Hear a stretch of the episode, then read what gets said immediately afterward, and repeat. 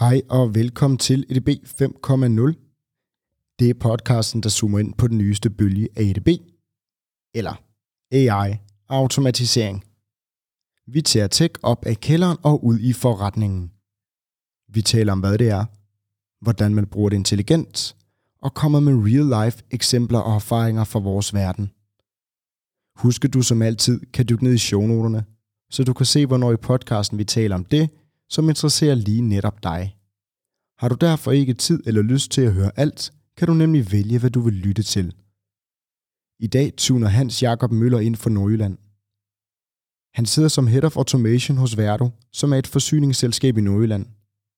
Til sammenligning er det Nordjyllands Hofor. Forsyningsbranchen er en kæmpe branche, og med en masse data fra kraftværk, el fra hjemmet og meget andet. Der findes altså rigtig meget data, og et godt eksempel er, at man kan spare en million kroner om dagen ved at kunne forudsige, hvornår radiatorerne er tændt i hjemmet, og derfor hvor meget varme der skal pumpes ud. Vi taler blandt andet med Hans om Intelligent Automation i forsyningsbranchen, og hvilke kæmpe summer den her teknologi kan spare, hvis man formår at gøre det rigtigt, samt hvordan det også kan hjælpe den grønne omstilling. Velkommen til endnu en episode af ADB 5.0.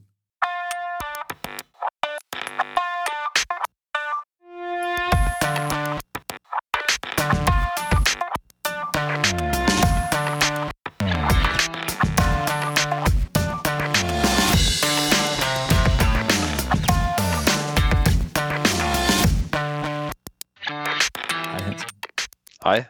Og øh, velkommen til IDB 5.0. Øh, super fedt, du vil komme. Eller komme, Jamen- vi sidder og taler sammen over nettet. Så. Ja, ja, lige præcis. Men tak fordi jeg måtte være med. Jamen øh, Hans, kunne du fortælle os lidt om, hvem er du, og hvor er det, du arbejder? Det kan jeg. Øhm, jamen, jeg hedder Hans, og øh, ja, jeg er 42 efterhånden. Og øh, ja, hvem er jeg? Jeg, øh, jeg er uddannet øh, ingeniør inden for, for datateknik og, og ja, proceskontrol hedder det. Og øh, ja, det er jo sådan også i en eller anden grad det, jeg har arbejdet med hele min professionelle karriere. Øhm, privat bor jeg sammen med min, øh, min hustru og tre børn i et hus i Aalborg. Ja. Dejligt. Og øh, hvad er det, nu siger du, øh, jamen, data, øh, Ja.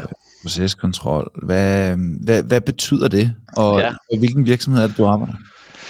Jamen altså, proceskontrol, det er jo egentlig det at tage øh, et eller andet mekanisk, fysisk system, og så, øh, så styre det øh, med noget elektronik, øh, noget computer. Og, øh, og jeg arbejder jo ved, ved Verdo, og, og hvad er Verdo så for en størrelse? Det er jo det, er- det er oprindeligt egentlig et forsyningsselskab. Nu, nu ved jeg, at du selv sidder i København, så du kan jo Mm.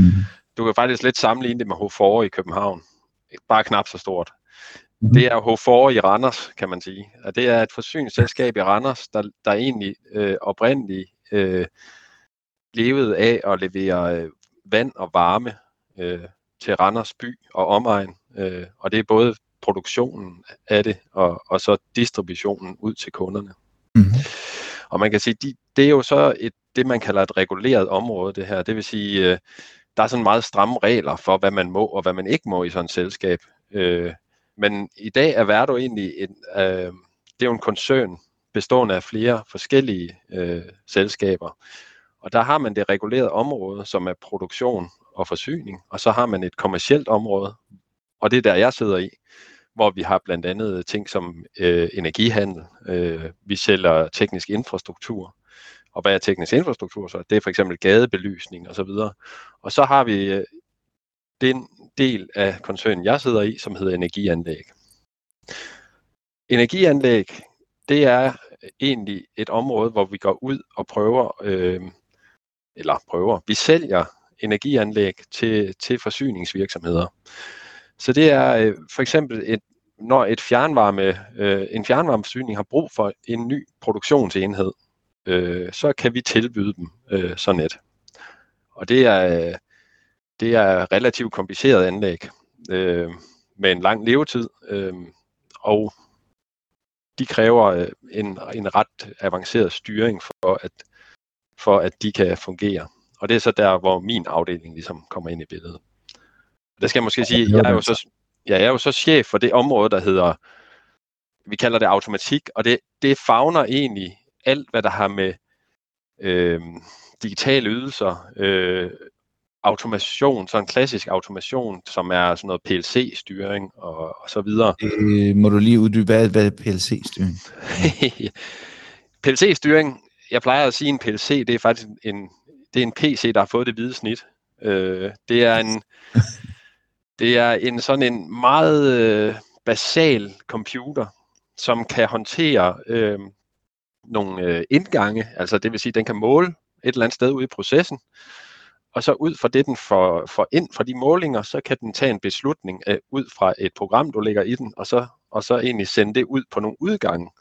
Så sådan helt simpelt, så kunne du forestille dig, at du målte en temperatur et sted, og alt efter hvad den temperatur er, så kan du beslutte dig om en ventil, den skal åbne eller lukke et andet sted i processen. Og det er egentlig sådan, du bygger den her processtyring op øh, på de her anlæg.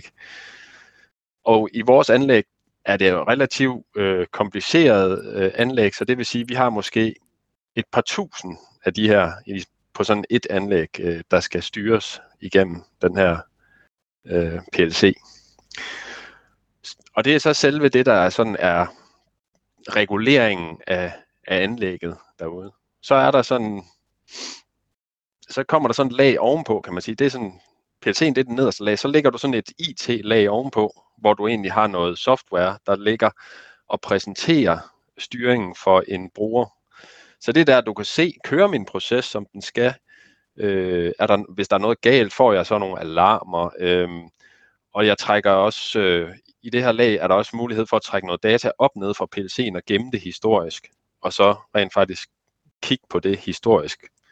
Det har en værdi. Ja, det er mange årsager, ikke også? Og det kommer vi til at snakke en masse om, men men, men i dag der bruger man det meget i forbindelse med fejlsituationer øh, og se, øh, hvad var årsagen egentlig til en fejl skete. Det er typisk det, som, som den her data har værdi for, for brugeren. Cool. Ja, så øh, mm. det, øh, det var PLC, og det lag ovenpå, det kalder man sådan SCADA-laget, øh, eller Jamen, det er jo egentlig et IT-lag, men man bruger så sådan et begreb, der hedder OT, Operational Technology, i stedet for, fordi det er, det er IT, og så er det alligevel ikke helt IT. Fordi Hvorfor det har nogle... IT? Hvad er det så? Jamen, det er, jamen, det er det måske. Altså, det der, det der er med det, det er, at du har nogle andre driftskrav her. Øh, og det kan man så stille spørgsmålstegn ved. Nu har jeg jo været ved telebranchen, eller i telesektoren, hvor man også havde nogle høje oppetidskrav. Men her har du jo noget IT, du ikke bare kan patche øh, i tid og utid, fordi du har en proces, der bare skal køre. Så derfor så, så, så den klassiske tankegang i forhold til at sikre sådan nogle systemer, det er typisk at skærme det for omverdenen meget, meget hårdt. Mm. Frem for hele tiden at patche og opdatere. Øh, og det er også lidt den der, altså, jamen det gør også, at tingene, de er måske lige en generation bagud øh, mange gange på det her, på det her niveau. Så, øhm, så hvis jeg forstår det ret, kan, kan du lige prøve at forklare mig om, om den rejse, du så har været på? Du siger, du ja. har været i, øh, altså i, te, i, i telebranchen, og så har du hoppet tilbage i tiden og har arbejdet med, altså, fra, altså du har arbejdet med connectivity til at gå til at arbejde med ikke-connected. Ja. Eller hvordan?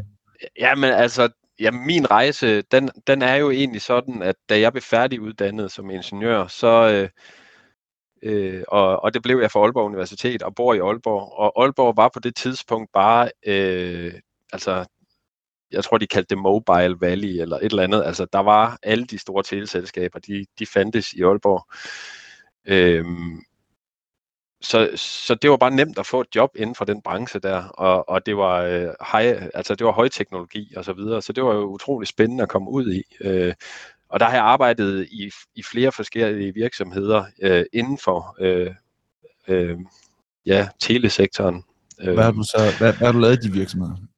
Jamen jeg har, øh, jeg har udviklet protokolstak software for et firma, der lavede Bluetooth chips, for eksempel, til mobiltelefoner. No, nogen, der hed uh, Cambridge Silicon Radio, som så nu er blevet opkøbt af Samsung. Uh, der var helt vildt mange ord. Kan du lige prøve at forklare det til mig, som om jeg var en femårig? Hvad var det, du lavede Øh, protokolstak software, det vil sige, at du egentlig lavede sådan noget ret relativt lavniveau programmering, øh, som håndterede øh, selve øh, data øh, udvekslingen, øh, altså på, på sådan et netværksniveau i, øh, på, øh, på de her øh, mobiltelefoner. Cool. Og hvad, og hvad endte du så med at lave det i telebranchen? Efter ja, men, at du boede i sikkert i 100 år og ja. på de der små chips. ja, og så, så øh, på et tidspunkt, så endte jeg jo så ved Telenor øh, i, en, i en afdeling, hvor vi ligesom øh, driftede og vedligeholdt og opdaterede øh, nogle, øh, nogle IT-systemer øh, til at håndtere, øh, ja det hed øh, Operational Support Systems, hed det. Og det var egentlig støttesystemer til telenetværket. Altså Telenors netværk øh, er jo kæmpestort. Altså de har jo ufattelig mange mobilmaster, og hver eneste mobilmast har ufattelig mange, altså der er jo rigtig meget teknologi på dem, øh, som sender rigtig meget data øh, ud over selve, altså den data, der bliver overført øh, øh på telenetværket, så, så har du også rigtig meget øh, data, der vedrører, hvor, hvordan har den her enkelte mobilcelle det egentlig, altså denne mast. Hvad, hvad, og, øh, og det data øh, samlede vi simpelthen op i et, øh, altså det man kalder et data warehouse, eller det gjorde vi det dengang. Øh, mm. En stor database med en hel masse tidsserie, øh, og det data blev så brugt øh, til at ja, som, som et beslutningsstøtte værktøj blandt andet til, til den, den øverste ledelse i Telenor i Danmark. Øh, og den fortalte blandt andet noget omkring, jamen, altså vi havde sådan en masse data, vi aggregerede op til de her KPI'er, så det kunne være sådan noget med, øh, altså et af de store KPI'er, det var noget, der hed minutes per drop, så det var, øh, hvor mange minutter samtale på mobilnetværket gik der imellem, at der var et udfald på samtalerne. Det galt selvfølgelig om, at man skulle have så, så, så lang tid imellem som muligt, ikke? Fordi... Jeg må lige forklare mig igen, hvad betyder det?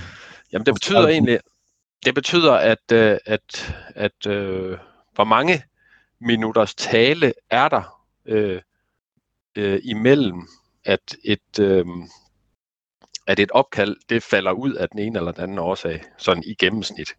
Øh. Okay, og, og når du til hvor mange minutters tale, så mener man, hvor mange minutters tale går der totalt set gennem den her mast? Eller ja, i, altså i for, gennem i, den her mast? Ja, ja, hvor mange minutters tale går der igennem masten, i forhold til, hvor mange gange falder sam, samtalen ud på en eller anden måde. Okay, ja. ja. ja. Øhm, men der var altså der var simpelthen så mange øh, KPI'er øh, og lange rapporter øh, med alle de her tal, der fortalte en masse om, hvor godt performer vores telenetværk. Og man brugte det jo også i forbindelse med så for eksempel, og hvor skal vi udbygge bygge netværket, altså kapacitetsmålinger øh, osv. Øhm, så det, øh, og det, øh, altså det var jo øh, enormt spændende og kæmpe datamængder, der skulle håndteres. Øh, så man, man skulle både sådan, man skulle tænke sig om både sådan på, øh, på øh, ja, på alle niveauer sådan set af, af sådan et uh, øh, IT-setup. Altså det var både, hvordan uh, strikker du uh, sådan et, et øh, serverkloster sammen, og hvordan får du så strikket dine databaser sammen, så de kan håndtere den her datamængde. Og ikke mindst, hvordan får du det strikket sammen, sådan at du også kan trække dataen ud inden for en overskuelig fremtid. Fordi uh, altså det her med at arrangere dataen rigtigt ind i databasen, så det ikke... Uh, ja, tog uendelige tider at trække de her rapporter ud. Øh, det var alle sådan nogle ting, man sad og, og arbejdede med at, at løse der. Så, så, så der fik jeg sådan en ret god indsigt i, hvad det handler om, når du skal trække store mængder data ud af et eller andet, øh, med henblik på at bruge det øh, i, i forskellige analysesammenhæng. Hans, hvad er koblingen fra at øh, sidde og arbejde med, øh, med det her teledata øh, og alt den voldsomme data, der både selvfølgelig rykker igennem, men også alt den øh, data rundt om, øh, sidde med de her kæmpe store databaser, skulle aggregere den data op til noget meningsfuldt. Men så at hoppe over til noget forsyningsselskab? Hvad er koblingen der? Ja, jamen koblingen er jo egentlig, øh, at den, jeg har arbejdet mange år i telebranchen, øh, efter jeg blev færdiguddannet. Men jeg er jo egentlig uddannet inden for proceskontrol. Så, så jeg savnede lidt øh, den der kobling over imod noget, noget mekanisk, noget virkeligt fysisk, øh, et system, man kunne se, øh, at man påvirkede på en eller anden måde med det her. Og, øh, og så tilbød øh, samtidig, øh, ja, så, så åbnede der sig en mulighed øh, ved, ved det firma, der hedder Vattenfall, altså, øh, som er den svenske pendant til, til Ørsted. Og øh, der åbnede sig en mulighed for at komme, øh, komme til at arbejde som, som ingeniør i deres afdeling inden for, for øh, automation. Øh, øh specifikt med det område, der hed, øh, de kaldt for teknisk IT, som er, er det, man også kalder, eller som jeg også kalder for, for OT, eller Operational Technology. Øhm, og øh, ja, så, så tog jeg simpelthen øh, springet over i den der branche øh, i forsyningssektoren. Jeg skal sige, det, det var enormt spændende, fordi at øh, på daværende tidspunkt havde, øh, havde Vattenfall, øh, de rådet over nogle af de aller, allerstørste kraftværker i Danmark. Øh, det var Amagerværket, og det var Fynsværket, og det var Nordjyllandsværket. Øh, tre øh, af de ja, kæmpe store øh, kulfyrede kraftværker i Danmark. Så der var ikke meget grøn, øh, øh, men, grøn men, øh, teknologi, men, men, men det var enormt spændende, fordi at øh, man kom til at arbejde med, altså jeg vil jo, i min verden er sådan noget ingeniørkunst, altså at komme ind og se sådan et kraftværk, det, øh, du ser ikke øh, mere kompliceret produktionsanlæg i Danmark, det gør du bare ikke. Altså dimensionerne og mængderne af teknologi derinde, det er jo, øh, altså det er helt vildt. Al, al den øh. teknologi, er den så også hugget op på samme måde som sådan en telemast er hugget op øh, med data? Eller, eller hvordan fungerer det? Ja, det var, og det var lige netop der, hvor at jeg ligesom havde, altså så en, en mulighed, fordi der er ingen tvivl om, at der er, der er højteknologi i, i de store kraftværker, styringsmæssigt, fordi du har jo, det er jo, det er jo enormt dyre anlæg, øh, og de skal bare køre hele tiden. Så den her, den her styring, jeg snakker om, PLC-styringen og det der niveau, øh, og til dels også det her niveau med overvågning, det, det var der sådan set rigtig godt styr på. Altså, på de her kraftværker har du jo et, et øh, øh, der har du jo et kontrolrum, hvor der sidder tre maskinmester i døgndrift og overvåger anlægget. Øh, mm. Det du ikke rigtig har, som, som jeg så øh, så som mulighed, det er det her med rent faktisk at få trukket noget data ud af processen, for ligesom at lave noget analyse på det, øh, og, og bruge det i et sådan et, med et mere langsigtet optimeringshenblik. Øh, og hvad kunne det for eksempel være? Altså, hvad, hvad, hvad er det for noget data, du hiver ud, og hvad kunne en typisk indsigt være, du kunne hive ud af dataen bagefter? Jamen altså, der er mange eksempler, og vi, og vi brugte, øh, altså, vi brugte jo den første lange stykke tid, mens jeg var ansat på rent faktisk at få bygget sådan en, en data warehouse løsning op, eller den, der var ved Telenor, fordi det havde man slet ikke. Altså den, man havde noget, men det var sådan noget med at trække lidt data ud i nogle Excel-ark og sådan noget. Men der var ikke noget, hvor man sådan ligesom fik samlet en stor datamængde, så man kunne aggregere det på kryds og tværs og skabe nogle KPI'er ud fra det. Men, men vi havde mange eksempler på, hvordan Altså det, der virkelig, som jeg så, kunne give noget værdi, det var det der med at koble noget procesdata med noget økonomisk data. Så du rent faktisk kunne se noget værdi af nogle forskellige ting på anlægget. Okay, og, og der bliver du nødt til lige at konkretisere det lidt for mig, for jeg kan følge med her. Ja. Hvad, hvad er den procesdata, og hvad er det for noget økonom, økonomisk data? Hvad kunne det være?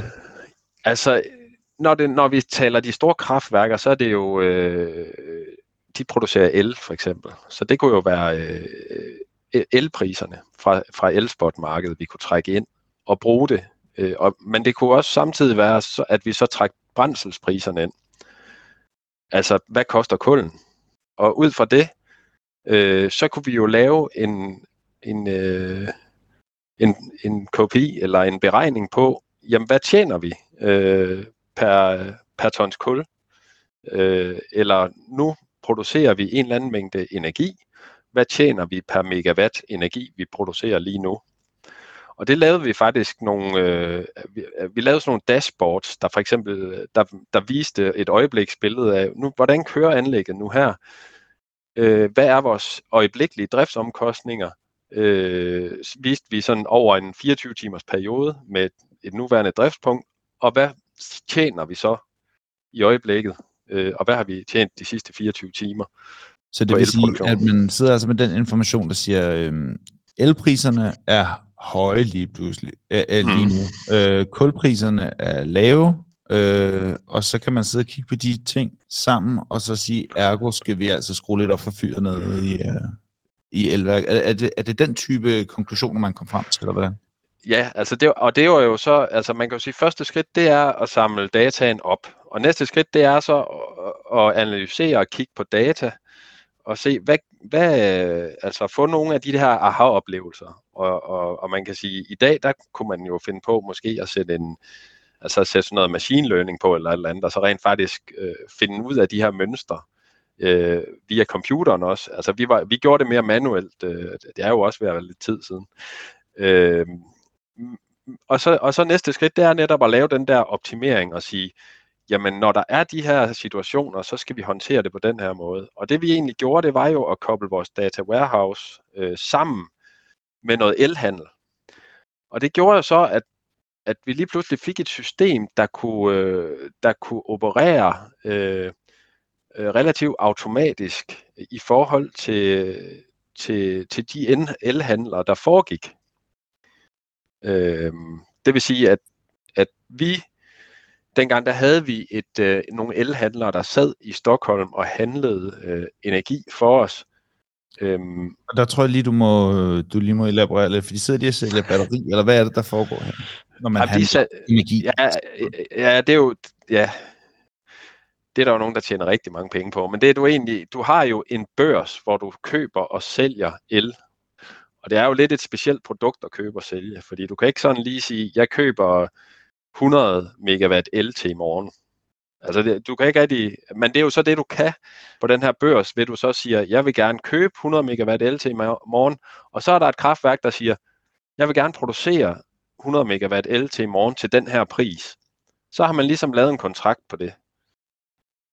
Det der så, hvor du kan tjene rigtig, rigtig mange penge på, øh, på elhandel, det er så, når det elværk, der har lovet den her, eller det hedder så en, en balanceansvarlig eller en elhandler, øh, når de så lige pludselig ikke kan producere det, så er der et hul i elnettet, hvor der skal fyldes noget el i, fordi du kan ikke, øh, som sagt, du kan ikke rigtig, der er ikke nogen buffer, så elen den skal være der, når den skal bruges.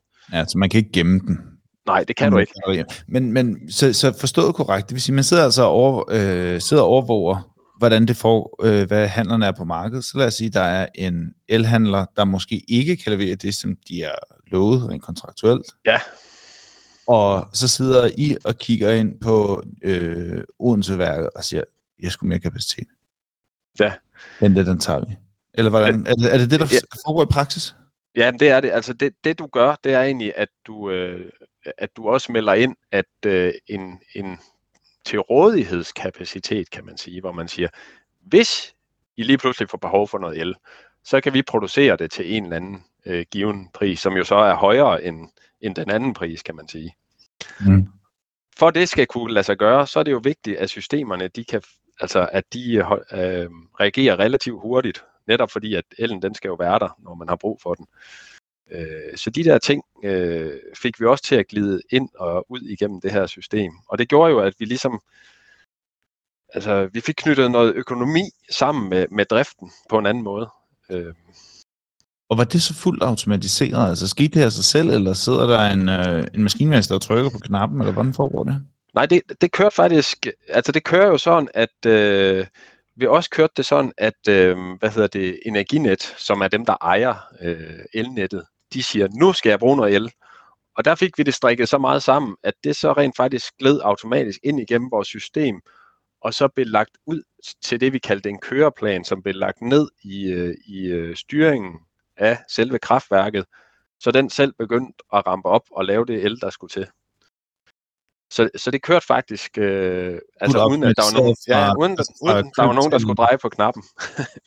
så, okay, jamen så synes jeg, det er det, er det, øh, det, det, nu jeg tænker, det er det oplagte spørgsmål at spørge dig om, hvad betyder intelligent automatisering i din verden? Og var det her intelligent automatisering? Ja, jamen det, øh, jamen det, vil, det vil jeg sige. Altså for mig er det der øh, intelligent automatisering, at det, at du, at det, at du kan på baggrund af, af, af store mængder data samlet fra forskellige steder, øh, automatisk kan få et system til at, at tage nogle øh, optimale beslutninger, eller optimere din drift i forhold til, hvis, hvis den ikke tog de beslutninger. Så selvom, øh, fordi vi har, vi har haft andre øh, folk ind, Øh, nu skal jeg hverken øh, være dommer over, hvad der er rigtigt eller forkert i den her sammenhæng, men vi har haft andre inde, som siger, at det hele handler om, at vi har en algoritme, der kan lære på store datasæt og sådan noget. Men det, som jeg hørte dig sige, er, det er i lige så høj grad, at vi kan udnytte øh, store mængder data, og når det så for eksempel bare breacher en threshold, eller et eller andet, som er knap sådan så intelligent, så kigger det en eller anden regel igennem. Øh, men, altså, hvor vi taler langt mere regelbaseret, men vi taler bare på så store mængder data. Og det tænker du også som intelligent? Ja, det, altså, ja, det gør jeg. jeg vil, det er ikke fordi, jeg mener, at de andre ikke har ret. Selvfølgelig øh, vil øh, next step, det vil jo være at få noget, få noget avanceret algoritme ind over de store datasæt, så de kan finde nogle mønstre, man ikke selv kan se. Der kan man bare sige, der, der er vi bare et andet sted i, i forsyningsbranchen lige nu. Og hvor er man i forsyningsbranchen i forhold til det? Jamen altså, nu kan man jo sige, jeg var ved, ved Vattenfall ind til ja, hvornår forlod jeg Vattenfall? Var det i 14 eller sådan noget? Så, så der er jo selvfølgelig nok også sket noget der, men, men Vattenfall var... Så havde du den her fuld automatiseret øh, handel og øh, produktion af el, var fuld automatiseret tilbage i 14? Ja, nej, det var så i 16, jeg forlod den, kan jeg se. Altså, men okay. ja, det havde jeg. Okay. okay. Øh, det, det havde vi. Øhm, mm. Det... Øhm, Sejt. Ja, det var, jamen det, det var fedt, at vi, vi kom så langt. Øhm, og, og der kan man sige, Vattenfall er jo et af de største til, eller øh, forsyningsselskaber og energikoncerner, øh, ja, i hvert fald i Norden er de jo blandt de største, og nok også på verdensplan. Øhm, og man kunne, nu ved jeg jo, hvor de er nået til, øh, og så kan man jo tænke sig til, jamen, hvor er, øh, den øh, mindre forsyning i Danmark med, jamen det ved jeg ikke, øh, 1000 husstande, der skal have varme. Altså de er jo stadigvæk, altså de er jo ikke engang nået til der, hvor de trækker dataen ud i det Excel-ark nu nødvendigvis. Men hvor er Verdu så i dag? Verdu, øh, nu vil jeg, som jeg nævnte, så er Verdu jo både et kommercielt og et forsyningsselskab, og forsyningsmæssigt tror jeg, at vi er øh, vi er rimelig godt med, og vi har faktisk også en direktør på vores forsyning, der, der går meget op i det her digitalisering, så, så der kommer til at ske noget. Øh, jeg, vil, jeg vil vurdere Verdas, Verda som forsyningsselskab som værende øh, på niveau med, med de andre i den størrelse, og det vil sige, at man har noget, øh, men, men, det er, men det er stadigvæk meget analogt arbejde, øh, og det der med at koble procesdataen øh, øh, automatisk med noget økonomisk data, det, øh, det er i begrænset omfang, man har det i hvert fald. Så, så, er, der for, så er der for de kunder, vi har i, i min del af, af Verdo, der er vi, øh, der er vi ikke så langt, men, men der er det jo så, at, at, øh, at netop min afdeling jo gerne vil ud og gøre en forskel og hjælpe med netop at, at få samlet noget data op øh, og, og, øh, og hjælpe dem med at, og bruge det på forskellige måder for at optimere driften øh, af deres systemer. Cool. Hvad, øhm, nu nævner du, at I har en direktør, der går meget op i den her øh, digitalisering, mm-hmm. og at øh, få udnyttet det her maksimalt. Lad os nu sige, at I kommer op på niveau med Vattenfall, og øh, det fortsætter derudover. Hvad sker der derefter? Ja. Så fordi det lyder så meget som om, at I har, næsten har et self-operating øh, værk, som bare selv kan handle alle de fede ja. deals, øh, lige når de har kapacitet til det. Hvad sker der derefter? Hvordan kommer man videre? Ja, altså, øh, ja, det, det, det er måske sat lidt på spidsen, ikke? Altså, vi havde jo en elhandelsafdeling, som lavede handlerne, og så var det jo egentlig bare det, som de besluttede, den eksekverede i fuld automatik. Mm. Og, det, og det kan man jo sige, skridtet efter er jo netop, og, og, altså, jo mindre menneskelig faktor øh, i forhold til sådan noget, øh, jeg ved ikke, om vi er jo bedre, nu skal jeg passe på, hvad jeg siger, men der er jo, øh, det er jo tit, at en maskine er i stand til at tage nogle, øh, nogle øh, bedre beslutninger, end mennesker er, fordi at den ikke rigtig bruger en mavefornemmelse til noget. Altså den, den tager en beslutning på baggrund af data. Øh, uanset øh, hvor øh, intelligent man, man kalder en algoritme, så er det jo i bund og grund øh, en, en stor formel, der, der egentlig bare får en masse parametre ind og spytter et, et output ud på baggrund af det. Så man kan sige, øh, den er jo aldrig mere intelligent end det input, den får, kan man sige. Så, så, så hvad er det, du tænker, der, der kommer til at ske? Bliver det en fuld automatisering af, af selve handlerne? Øh, så handlerne også, altså ligesom man kender det fra sådan nogle high, hvad high frequency trading øh, algoritmer, der sidder og kører selv øh, og, og handler aktier og sådan noget. Er det, er det der, vi er? Eller optioner? Eller ja, det, altså du, det vil jeg sige, inden for, for lige præcis mit felt, der kommer vi ikke til at have så meget med, med den del at gøre, fordi vores kunder er mere varmeforsyninger, og det her det er mere el. Øh, vores kunder, der hvor jeg tror, at, at vi er på vej hen i forhold til, til alt det her øh, øh, intelligent automation osv., det handler rigtig meget om, om at optimere på driften og vedligeholdet. Så det vil sige, du har for eksempel en varmeforsyning, øh, øh, jo, jo højere temperatur, at du er nødt til at pumpe din varme ud med fra dit øh, produktionsanlæg, altså din, øh, din kedel af en anden art, jamen jo, dyr, altså jo mere tab har du egentlig ude i dit, øh, dit ledningsnet ud til, øh, til kunderne. Så, så en optimering, det er at sænke den temperatur øh, så langt som muligt ned. Problemet er jo, at du skal jo også have varme ud i radiatoren. Så det skal jo ikke være koldere, end at alle dine forbrugere kan få varme nok ud i radiatoren. Der er en, et optimeringspotentiale der, fordi i dag der har langt de fleste forsyninger og deres kunder, øh, de har både et anlæg, der trækker noget data ud, og kunderne har en måler ude ved sig, som man også kalder en intelligent måler, som egentlig bare er fordi, at den kan trække data ud og så sende det ind i en eller anden database. Men det betyder, at du har mulighed for på en eller anden måde at få fat i data, både fra produktionen og ude fra kunden af. Og få koblet de to ting sammen. Ja, og, og, og hvad er det, man gør der? Og hvad, hvad er det, der sker Jamen, der? i dag, der gør man ikke noget. Men altså, det er jo oplagt at gøre noget der. Fordi og hvad kunne man gøre? Man kunne jo kigge på at optimere, øh, ja blandt andet som jeg nævnte før, på temperaturen og sige, jeg skal sikre, at alle kunder har minimum den her temperatur ude ved sig. Øh, men, jeg, men de skal ikke have mere, altså øh, jeg skal have det sådan, at den dårligste temperatur ude ved alle kunderne, den er over den her, det her niveau, som jeg skal levere ud til kunderne. Og så sammenligne det med den data fra mit eget anlæg, jamen hvad kan jeg så skrue på i forhold til at skrue produktionen ned, øh, så jeg lige akkurat rammer det. Det vil betyde et stort økonomisk, øh, altså en stor økonomisk gevinst i forhold til, at du øh, taber meget mindre energi i, og, i de rør, der simpelthen ligger jo i, i jorden ud til kunderne. Så øh, hvor meget, øh, hvad, hvad koster en grad? altså et, ja. et grad øh, varme, man taber på det, man ja. køber. Ja, altså, det? Jamen det er meget, det er jo forskelligt fra forsyning til forsyning, men jeg har hørt en forsyning, en, en mindre mindre mellemstor forsyning, det vil sige en forsyning i en, en mellemstor dansk provinsby. Øh, en af dem, der er rigtig mange af, øh, nævne, øh, at en grad, det var, øh, det var en kvart million, at, at det kostede dem. Det er jo mange penge. Ja, for sådan en forsyning er det jo. Ja, ja, men jeg, ja fordi så hvis man lige forestiller sig, det er en, den, det er en jævnt stor by, og, og hvor meget man så kan Hvor meget kan man så vinde? Hvor mange grader kan man vinde, hvis man nu havde øh, fuld indsigt i øh, hvem åbnede for radiatorerne, hvornår? Hvor meget kunne Ja, man så vinde på det?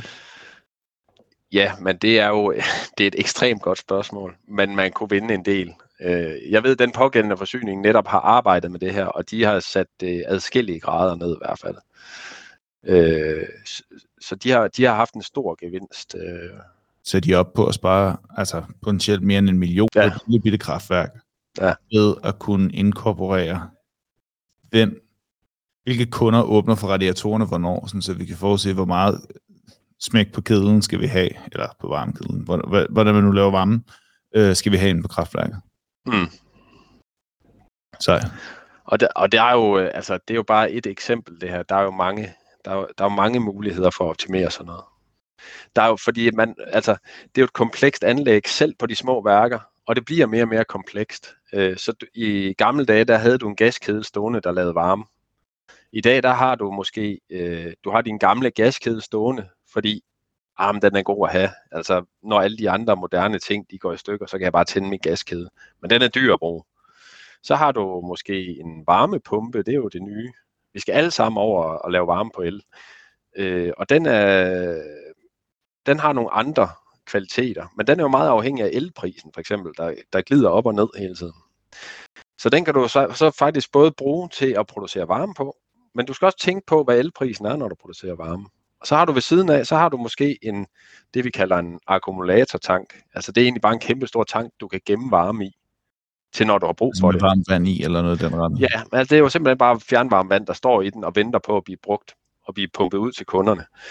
Så, Det så kan du- jeg skal forstå det ret, så, så det som, altså øh, sammenligningen med det, som et, et kraftværk gør, øh, og, og kan, eller kan gøre, øh, mm. med sådan noget, øh, med sensorer derude, og ved at integrere data og sådan noget, vil være tilsvarende, at man i et privat hjem med jordvarme, øh, sørget for at sige, at det er når temperaturen, øh, jeg går ud fra, at man hiver mere, flere kilowatt ud af jorden, jo varmere det er i jorden.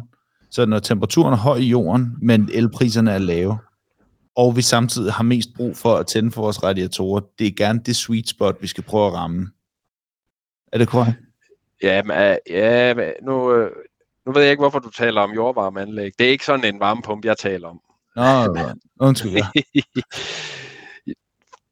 De varmepumper, jeg taler om, det er store varmepumper, hvor man stiller dem ude ved fjernvarmeforsyningen, og så kan den lave varme til hele byen.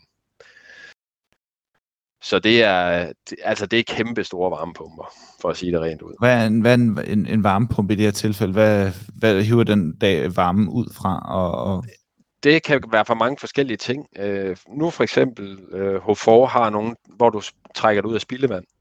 Så det er for eksempel øh, ja, spildevand fra København, som du så trækker energien ud af, og så laver varme, som du så pumper ind i fjernvarmenettet. Det kan jo være øh, havvand, men det Mm. kan, også være, det kan også bare være luft. Ligesom de her helt billige øh, varmepumper til, til husstanden, så kan, du, øh, så kan du egentlig også gøre det med store varmepumper. Øh, og så egentlig bare bruge udeluften til at, øh, til, altså at trække energien ud af udeluften. Øh, og det, det- dem har vi lavet en del af, øh, den type varmepumper. Og de, altså, man, man, i bund og grund, så er en varmepump er jo en kølemaskine, der kører omvendt kald, siger man populært set. Men det er egentlig bare en stor kompressor, og den skal bruge noget strøm. Øh, fordelen er, at for hver øh, kilowatt, du hælder ind, så får du øh, øh, flere kilowatt ud i varme. mm. Det er, egentlig, det er egentlig det, der er det gode ved en varmepumpe.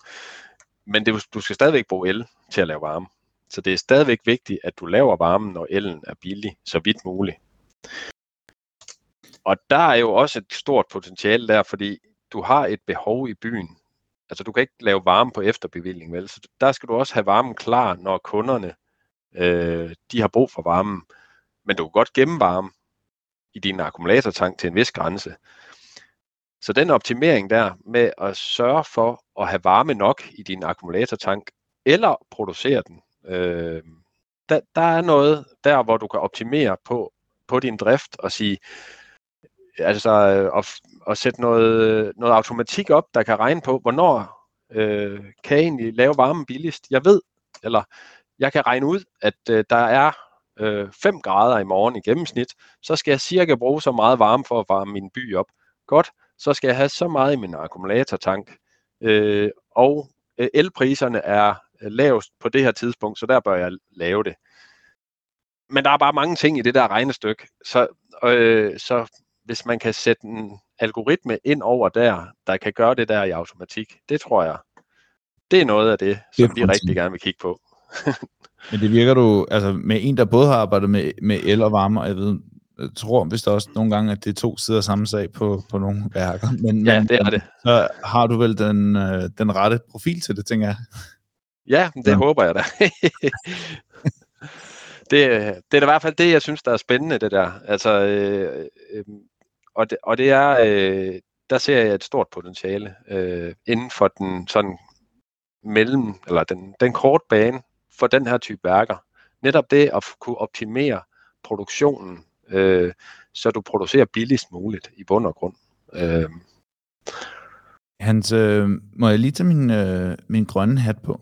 Og så ja. spørge, hvad, øh, det du sidder og laver der, den vision du tegner op, mm. hvad har den af grøn impact? Og hvordan kan den her type teknologi, øh, hvad kan den gøre for miljøet? Ja, og det er et godt spørgsmål, og det, øh, i vores verden, øh, i fjernvarmebranchen, der, der er kroner og øre bundet rigtig meget op på, på, øh, på det grønne. Fordi når jeg siger, at et værk kan spare kroner og øre i forhold til at sænke fremløbstemperaturen, jamen så kan vi også spare en hel masse CO2-udledning. Fordi øh, når, du sparer, når du sænker fremløbstemperaturen for eksempel, jamen så, så er det i bund og grund, så handler det om, at, at du varmer, øh, du varmer ikke øh, det, altså den streng ud til forbrugeren lige så meget op. Øh, så vi bruger egentlig mindre energi på at varme fortoget op ud til forbrugeren. Øh, og, og altså det er jo grønt at spare energi på den måde. Ikke? Øh, vi, vi laver op, altså, øh, vi prøver at optimere vores kunders anlæg øh, og når vi optimerer deres anlæg, så forbruger vi mindre energi med, til at lave den varme, som forbrugerne skal bruge. Så, så der er en direkte kobling. Det er der. Ingen tvivl om det. Så, så det du egentlig siger, det er, hvis vi kunne implementere det her på en meget, meget bred skala, Nej, nu skal lige, du må stoppe mig, hvis jeg lige uh, hiver nogle ting ud af det her, som du ikke har sagt, ikke? eller som mm. jeg ikke, hvor jeg selv sidder og konkluderer for meget på det. Men det du siger, hvis man kan implementere det her i meget bred stil, så vil der være en stor grøn gevinst, og en stor øh, monetær gevinst, altså hvor man ikke har det store hverken energitab eller pengetab, fordi man netop har en overproduktion, og man ikke kan finde ud af at gemme det her. Det, det er der absolut ingen tvivl om, og, og, og oveni, altså for oveni det, så kan man sige, når elpriserne er lave, så er det fordi, vi har meget vindproduktion. Det er den næsten direkte grund til, at elpriserne er lave på elspotmarkedet. Og så kan man sige, jamen det giver jo også mening at lave vores varme, når elen bliver produceret på vind. Og det er større, de her mekanismer netop for, hvis jeg forstår dig ret, det er netop, at når prisen på el er lav, fordi at det blæser meget, og det er mm. energi, så betyder det også, at så er det, man skruer for sin varmeproduktion. Ja, det bør man gøre, ja. Helt sikkert. Og så, ja, så altså alternativet er jo at, at, at lave, øh, lave varmen, når priserne ja, er tilfældige. Og der vil nogle gange, der vil noget af strømmen være lavet på kulkraftværker. Så der er ingen tvivl om, at, at den der mekanisme med at producere varme, når elpriserne er lave, det vil også betyde, at din varme bliver grønnere. Hans, øh, hvad, hvad, kan, hvad, hvad er det, der er afgørende som altså succesfaktor for at komme derhen? Hvad er det, der er det vigtigste? Hvad er det for nogle pukler, man skal over? Øh, og hvad er det, I står og slås med? Ja. Yeah. Altså, fordi for min, for min vinkel, så lyder det som om, der er vildt mange penge i det. Og øh, det er også grønt. Så det vil sige, der er også en god historie i det. Øh, jeg kender ikke nogen, der ikke vil købe ind på de to ting. Øh, så, så, så hvorfor er det der ikke allerede? Og hvad, hvad, hvorfor, hvad er det, der sker? Altså, man kan jo sige, der, der er flere ting. Øh, for det første, så er øh, forsyning og fjernvarmebranchen er måske en, en, en lidt konservativ branche, hvor man gerne vil se tingene virke, før man køber ind på dem. Så, så, så det, det handler om at tage det første skridt og vise, at det virker. Og så, og så er man meget... Øh, altså, man skal ikke tage fejl af, at den grønne omstilling øh, i den brede befolkning er det jo noget, der betyder meget, og det gør det også for forsyningsselskaberne, men det betyder øh, et eller andet sted mere for dem, at de kan holde en billig varmepris. Så, så det er ekstremt vigtigt for dem at kunne se den økonomiske gevinst ved sådan et system. Det, det er det, der driver det. Det er der ingen tvivl om. Øh, så der skal vi jo, altså vi skal jo ud og lave den gode case, øh, og vise, det her virker, og kunne, og kunne øh, sådan set øh, vise nogle konkrete øh, eksempler på, hvad man kan spare ved, ved at gøre det her. Og så er jeg sikker på, at, at, øh, at det vil være sådan en ketchup-effekt, øh, der gør, at, at det vil brede sig i hele, i hele forsyningsbranchen. Det er fandme sejt. Hans, hvis man nu sidder ude i en øh, organisation, man ikke måske nødvendigvis arbejder med, øh, med fjernvarme, eller med el, øh, eller telemaster. Hvad, hvad kan man øh, tage med herfra, som, øh, som du har lært øh, af at arbejde med så store mængder data, med så... Øh, øhm, øh, øh, jeg ved ikke, om det er rigtigt at sige volatile spotmarkeder, men, men, men, men ting, hvor man hele tiden skal sørge for at være in tune med, hvad der sker lige nu. Øh, mm. hvad, hvad kan man lære for dig? I forhold til, til det her øh, med data øh, og samle det op, så, så er min erfaring, det er, at det er jo vigtigt at have et, et godt datagrundlag og et stort datagrundlag. Så, så man skal ikke regne med at sætte sådan noget i gang øh, på dag 1, og så, øh, og så 14 dage efter, så kan man lave en hel masse. Men, men der er et langt sejt træk, der handler om at få trukket en masse data ud, og det skal være kvalitetsdata. Jeg kan ikke huske, hvem der har sagt det, men der er det der udtryk, der hedder crab in, crab out. Og det betyder jo egentlig, at det er vigtigt, at den data, du har, er af en vis kvalitet. Fordi, som jeg sagde før, så, så uanset hvor intelligent du kalder din algoritme, så, så er den ikke mere intelligent end det data, du fodrer ind i den. Så, så, så hvis det ikke er i orden, så får du heller ikke et, et, et, et resultat, der er særlig godt. Så det er i hvert fald et takeaway, det er, du skal have styr på din datakvalitet, og du skal have samlet en del data op, før du så begynder at finde ud af, hvad er det så, vi egentlig kan med det her data, og hvordan øh, kan vi bearbejde det her data på en intelligent façon, så vi får noget ud af det. Det, det er selvfølgelig fint at have et mål. Øh, det er jo nok svært at sætte sådan et projekt i gang, uden at have et eller andet mål med det. Men man skal i hvert fald have sig for øje, at man skal have en, en vis mængde historisk data, før det giver mening. Og så er der en anden ting, der også er rimelig eller vigtigt. Det er tilgængeligheden af data. Øh, nu, I hvert fald det, jeg, jamen det, det jeg, nu for eksempel ved Telenor, det jeg arbejdede med kæmpe mængder data, det her med at finde nålen i høstakken, det skal være øh, relativt øh, smertefrit øh, at trække øh, data, og det handler jo, øh, det har i hvert fald i min verden handlet meget om at strukturere data på den rigtige måde. Øh, der er nok øh, i dag øh, systemer, der, der kan hjælpe en øh, langt hen ad vejen med det, i forhold til hvordan vi håndterede det dengang. Der var det meget manuelt med, hvordan man indekserede og, og gjorde ting og sager med sine data. Øh, men det er i hvert fald vigtigt, at det, skal, data, det er ikke nok bare at hælde data ned et eller andet sted, det skal også kunne trækkes op igen. Og så er der også et, et, øh, et begreb, som jeg også køber meget ind på, det er det her med at demokratisere data. Altså, det, du, skal, du skal tænke dig meget om, før du laver en eller anden lukket platform, andre ikke kan tilgå. Øhm, du skal, i stedet for, så skal man på en eller anden måde la- lave noget, andre også kan købe ind på. Øh, og det er jo netop det her med, at, at det fede ved at arbejde med store datamængder, det er at arbejde med data fra alle mulige steder fra og på kryds og tværs. Og det er altså bare alt andet nemmere at få det til at lykkes, hvis, øh, hvis man er mere, flere om det på en eller anden måde, og, og, og flere kan få lov til at, at, at arbejde med det på en eller anden façon.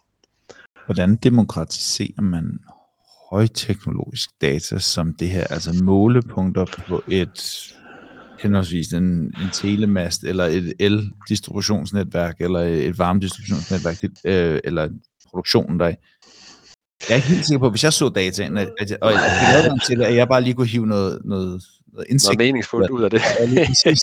så hvordan er det sammen med demokratisering? Altså når man har noget, der er så specialiseret, mm. og man så gerne vil demokratisere det, fordi selvfølgelig vil vi gerne dele indsigterne, men hvordan Ja. bridger du fra data til indsigt? Ja. En demokratisering af højteknologisk data. Ja, ja, men det er jo et godt spørgsmål. Jeg vil sige, mit, mit take på det, det er jo nok, at øh, det handler mere om, om det her med, at du skal ikke øh, sætte barriere op over for dem, der, der måtte have interessen. Øh, men du skal jo selvfølgelig heller ikke øh, forære øh, kronjuvelerne væk. Så, så, så øh, altså, jeg, jeg ser bare, at der er rigtig mange eksempler på, at folk de laver forskellige proprietære systemer, der ikke snakker med hinanden overhovedet. Øh, og det synes jeg er et problem. Altså, det, er, det, det, det strider imod det her med at prøve at få, nu for eksempel med de her intelligente målere, der, der findes et eller andet system, hvor data bliver hældt ind i, men altså, så ligger det derinde. Øh, hvordan får jeg lige trukket ud af det? Er det altså, vi skal sørge for på en eller anden måde at kunne interface med hinanden, øh, og på den måde øh, kunne, kunne øh, ja, få data til at flyde på tværs. Der er så nogle udfordringer med GDPR og hvad ved jeg. Det må man håndtere på en eller anden måde, ved at måske at anonymisere data eller et eller andet. Men det er jo sådan, ja, det er en helt ny øh, kanon om at åbne den diskussion. Altså, hvad, øhm, her på faldrevet, hvad glæder du dig allermest til i fremtiden? Inden for dit fald her. Jamen, jeg, altså jeg synes, jeg, jeg glæder mig til, at vi står der, hvor vi har øh, et system, der, øh, der kan lave den her, øh, den her optimering, som, som vi har talt om. Altså det her med at, at rent faktisk at, at lave en, altså hvad jeg vil kalde en intelligent driftoptimering af, af anlæggene. Og, og så må det rigtig gerne være noget, øh, også noget, hvor man på en eller anden måde kan, kan sammenligne data på tværs. Altså, jeg, jeg forestiller mig en eller anden måde, hvor man øh, ikke bare øh, lever i sin egen andedam som, som forsyningsselskab, men rent faktisk på en eller anden måde kan gå ind og sammenligne data med andre forsyninger.